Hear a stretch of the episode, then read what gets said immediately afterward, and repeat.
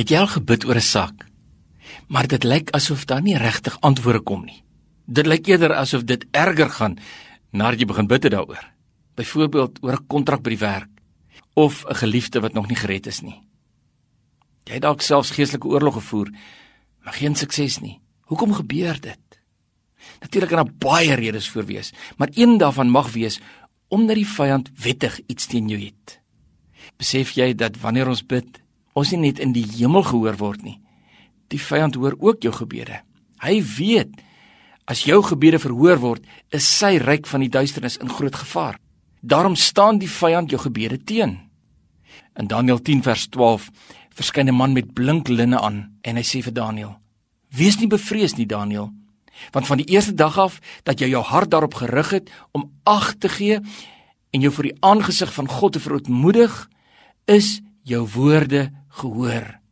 En om jou woorde ontwil het ek gekom.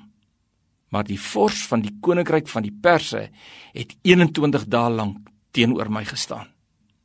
Dit beteken jou deurbrake word nie net op geestelike oorlogsvelde beslis nie maar veral ook in die hofsale van die hemel.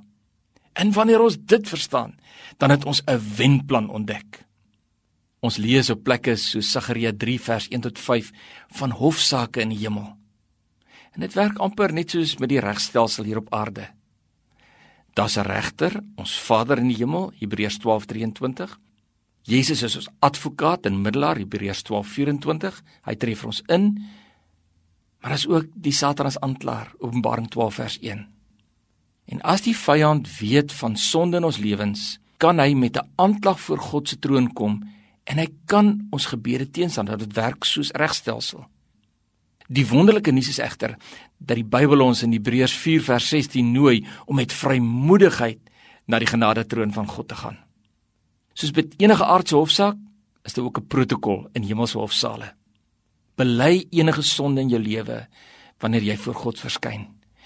Eer God die Vader as regter en Christus as middelaar. Stel dan in nederigheid jou saak voor God en luister of die vyand enige wettige klag teen jou het. Bely enigiets wat die vyand teen jou mag hê in die naam van Jesus.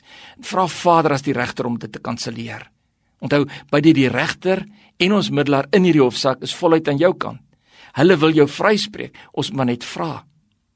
Wil jy nie sommer nou op jou knieë gaan en in die troonkamer ingaan nie? Die deur is oop. Dit mag reusagtige deurbrake in jou lewe bring.